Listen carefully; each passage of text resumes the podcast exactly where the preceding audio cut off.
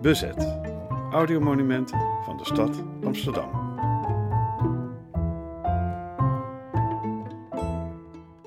Oh ja, je was blij dat je kon eten. Vijf uur moet je binnen zijn. Want die Duitsers hebben vliegtuigen boven. Je, weet het niet. Dat hoorde je van je ouders. En je weet alleen dat er heel veel militairen waren over de straat, dat weet je. En als de alarm ging geweest, als je destijds hier alarm ook had, die maakte zo'n lawaai dat iedereen het hoorde. Dan moet je de schuilkelder in. En ik moest in de rij staan om een beetje rijst te koken voor mijn grootmoeder. Waar zijn we hier? De Tweede Wereldoorlog is in volle gang, dat horen we. Maar we zijn niet in Nederland en ook niet in Europa. Maar we zijn wel in het Koninkrijk der Nederlanden. In Suriname om precies te zijn. En aan het woord is Alfred Humphrey van Ommeren, geboren te Paramaribo op 1 december 1933. Wie namelijk had gedacht dat de oorlog rustig aan Suriname voorbij was gegaan, heeft het mis. Ook voor dit toenmalige deel van het koninkrijk is de Tweede Wereldoorlog namelijk een moment waarop er een hoop veranderde.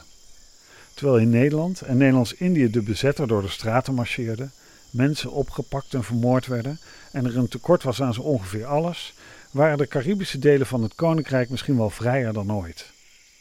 Suriname en de eilanden, toen kolonie Curaçao genoemd, waren niet bezet door Japanners of Duitsers. En toch kregen zij op alle mogelijke manieren met de oorlog te maken. De meeste mensen die nog levendig en uit eerste hand kunnen vertellen over deze periode zijn overleden. Maar na een stevige belronde in het oudere werk van Amsterdam Zuidoost kom ik in contact met meneer Alfred van Ommeren. Hij was acht toen de oorlog uitbrak. Aan de hand van zijn jeugdherinneringen keren we terug naar het Suriname ten tijde van de Tweede Wereldoorlog. Maar laten we eerst eens teruggaan naar zijn jeugd. Hoe zag die er eigenlijk uit? Ik heb in de Anniestraat gewoond, dicht bij de Gravenstraat. Maar mijn moeder woonde daar niet, mijn moeder in de Toertonnenlaan. Maar ja, ik was ondeugend. Vroeger. En mijn moeder sloeg makkelijk. Toen dacht ik, weet je wat, ik ga naar mijn grootmoeder toe. En daar was ik de enige jongen en mijn grootvader. Dan kreeg ik alles van mijn grootmoeder. S'morgens voordat ik naar school ging, voor mijn grootmoeder, maar, wat gaan we vandaag eten? En dan zeg ik het. En opa schrijft op wat we gaan eten. En dat moet opa kopen. Fantastische luxe, ja. En nog sterker. Toen ik tien jaar oud was, wil ik naast, geen enkele bed slapen. Alleen naast mijn grootmoeder. Opa moest weg. Zo ben ik opgegroeid.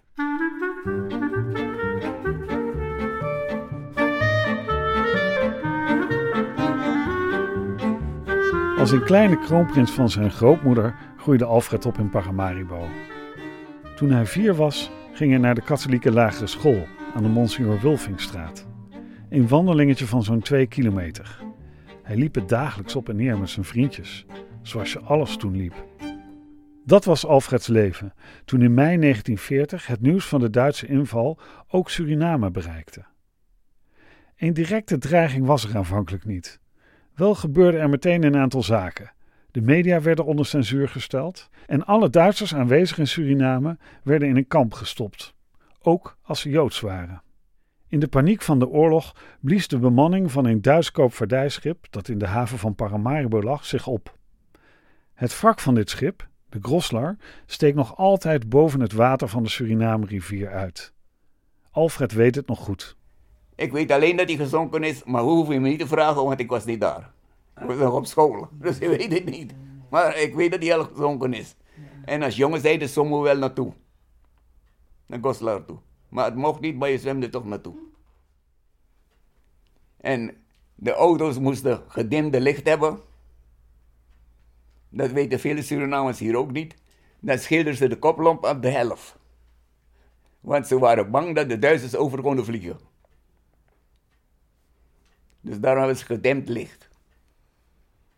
En ja, gaslampen over straat, die werden na 12 dichtgetrokken. Dat is geen licht meer, dus de straat was donker. Maar als qua jongen deden we niets anders meer. Heel wijd om 7 uur s'avonds dat dicht trekken. Als qua jongen, ja. Zijn jongens van de straat en dan gaan we trekken het lampje uit. Hup, uit. Hij moet toch uit. Dat was onze streken en sinaasappeljatten en voetbal over straat, net hier. Als qua jongen hielp Alfred dus mee aan de verduistering van Paramaribo. Het is een van die maatregelen die verdacht veel op de Nederlandse leken. En dat merkt ook schooljongen Alfred. Vroeger had je in, op school, aan het voetbalveld, hadden ze een schuilkelder gemaakt. Dan had je de Sommersdijkse kreek, gegraven door Hoevener Sommersdijk. Dat is een heel lange kreek. Hadden ze een brug gebouwd. De school was de hele eh, straat, was scholen. En daar was ook de katholieke kerk. Hij is er nog steeds. En de Surinaamse bank daarnaast. En daarnaast had je de Henderschool. Dat was een particulier, een andere soort school, maar de katholieken hadden de meeste scholen in Suriname. En dat je de katholieke pastoors, die waren wit gekleed als onderwijzer. En de zwarte waren de priesters. Die woonden tegenover de kerk. Maar in ieder geval tijdens de oorlog had je een brug over de Summersdijkse kreek. Dan was je binnendoor, kwam je op het voetbalveld van de katholieke patronaat. Dus het was makkelijk om over te steken en in de schuilkelder te gaan. En af en toe hoorde je alarm. Dan moet je zo snel mogelijk in de schuilkelder. En de schuilkelder was hout gemaakt, zand overheen en een balk boven. Dat je een ruimte waar je doorheen kruipt. En dan ging je daar staan. Totdat de bellen weer gaat. De alarm van de politie of van wie dan ook. Dan mocht je eruit. Zo was het oefeningen. En dat moet dan toch nog best wel een grote schoolkelder geweest als er zoveel kinderen zijn daar. Ja, dat was vrij lang. Want het hele voetbalveld zat vol mee. Met ruimte ertussen om te lopen. Maar dat hebben ze snel gemaakt van hout. Want hout was er genoeg te krijgen in Suriname. En op het leger. Die had een hele grote perceel. Daar hebben ze ook schuilkelder gemaakt in de Gravenstraat.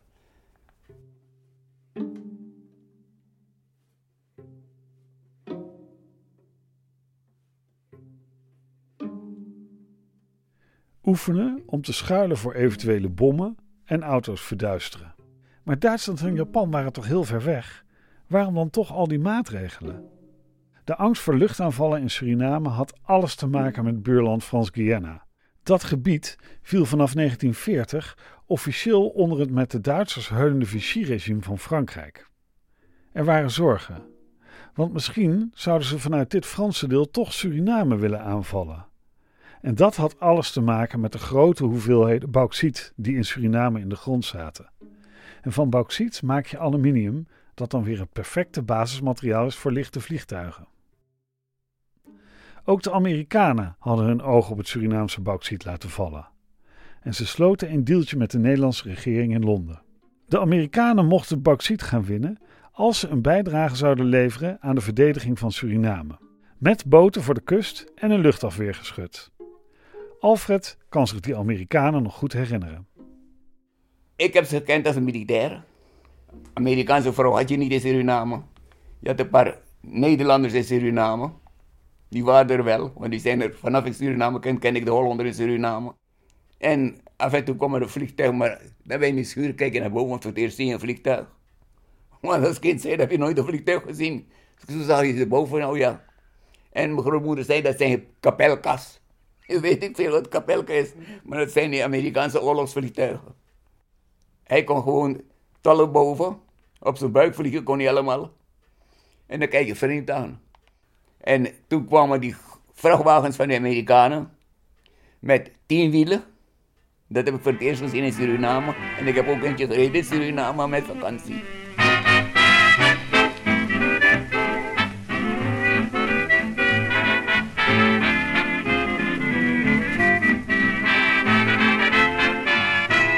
Die wagens met meerdere wielen waren er om het zware bauxiet naar de haven te kunnen transporteren. Al die Amerikaanse soldaten werkten vooral rond de luchthaven Zanderij en in de bauxietmijnen van Paranam en Mungo.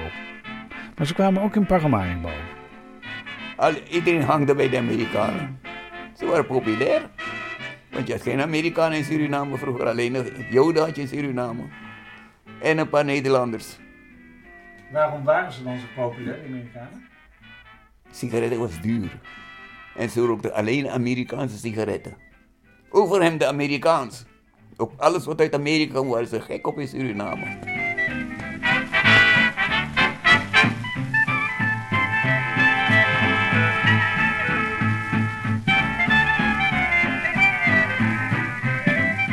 De Amerikanen hadden niet alleen flitsende auto's en goede spullen, ze lieten ook hun dollars flink rollen in de lokale economie. Wij vierden de oorlog, klinkt het ook wel in Suriname. Al die voorspoed was mooi, maar het kende ook keerzijdes. Vooral de prostitutie nam in Paramaribo een grote vlucht. Dat werd als een groot probleem gezien. Zo groot dat er op een gegeven moment een razzia werd gehouden en alle prostituees opgepakt en in een kamp opgesloten werden. Alfred merkte van deze geschiedenis als kleine jongen weinig. Wat hij wel zag, was dat Surinamers zelf ook steeds meer mobiliseerden. En zo kreeg Suriname voor het eerst iets dat op een eigen leger leek. Tijdens de Tweede Wereldoorlog heb je in Suriname stad en landwacht gekend. Dat waren militairen van Surinaamse afkomst. Dus die waren samen met de Nederlanders. De Nederlanders waren op in, uh, tegenover onafhankelijkheidsplein. Ik weet niet hoe ze dat noemen, Fort Zeelandia. Fort Zeelandia, ja. Daar waren ze. En aan de verlengde Gemeenlandsweg. ja. En achter Sanderij had je oefening. Daar gingen ze elke dag naartoe. Precies, dus u heeft wel oefeningen gezien ook nog. Ja, die heb ik gezien. Ja. En ook in, achter in de, aan die straat. Daar hadden ze, waar je van de woonde, hadden ze een schietbaan. Ja, ja. Daar gingen ze leren schieten. Dat heb ik ook allemaal gekend.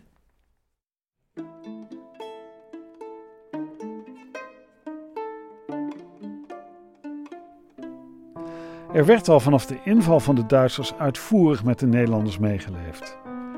Zo hielden alle gebedshuizen, van synagogen via Hindoestaanse tempel en moskee tot katholieke kerk en evangelische broedergemeente, meteen na het nieuws extra bijeenkomsten om te bidden voor vrede. Ook kwamen er al snel benefietvoorstellingen en inzamelingsacties op gang om de arme Europese Nederlanders te helpen in deze barre tijden. Eerst zamelde men vooral geld in om militair materieel te kunnen kopen voor de bevrijding. Een heuse Spitfire, dat was het doel van de inzamelingsactie. Later waren er ook acties om de bevolking zelf te helpen. Je moest de cent meenemen naar school. Maandagactie. Dat was elke maandag weer. Kreeg je een cent van je moeder. En dan lus je een snoepje, maar dan kan je niet kopen mee, want je krijgt problemen. Want Chinezen he- hebben snoepjes en die trekken je aan om een snoepje te kopen. En dan gaat dit natuurlijk. Je moet het, maar die cent moet je op school brengen. En dat gaf je onderwijzer.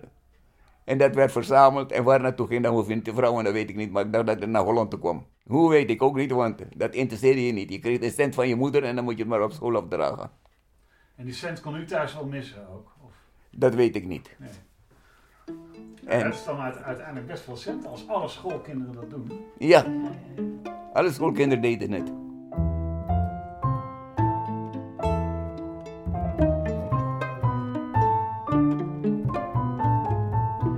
Uiteindelijk hoorde Alfred op de radio dat Nederland bevrijd was. De Amerikanen waren zich toen al een tijdje aan het terugtrekken. Er braken economisch lastige tijden aan voor Suriname. Maar er was toch een zaadje geplant in het land. Hoe sterk was dat moederland in Europa nou werkelijk? En hebben we Nederland nou wel nodig of kunnen we het toch gewoon zelf? Dat soort vragen, in combinatie met de toespraak van Wilhelmina uit 1942, waarin ze de koloniën zelfbestuur beloofde, zorgde ervoor dat steeds meer Surinamers aan zelfbestuur gingen denken. Dat kwam in 1954, waarna in 1975 de onafhankelijkheid volgde. Alfred kwam begin jaren 60 al naar Nederland, waar hij ging werken in de luchtvaartindustrie, geïnspireerd door de eerste vliegtuigen die hij tijdens de Tweede Wereldoorlog over had zien komen.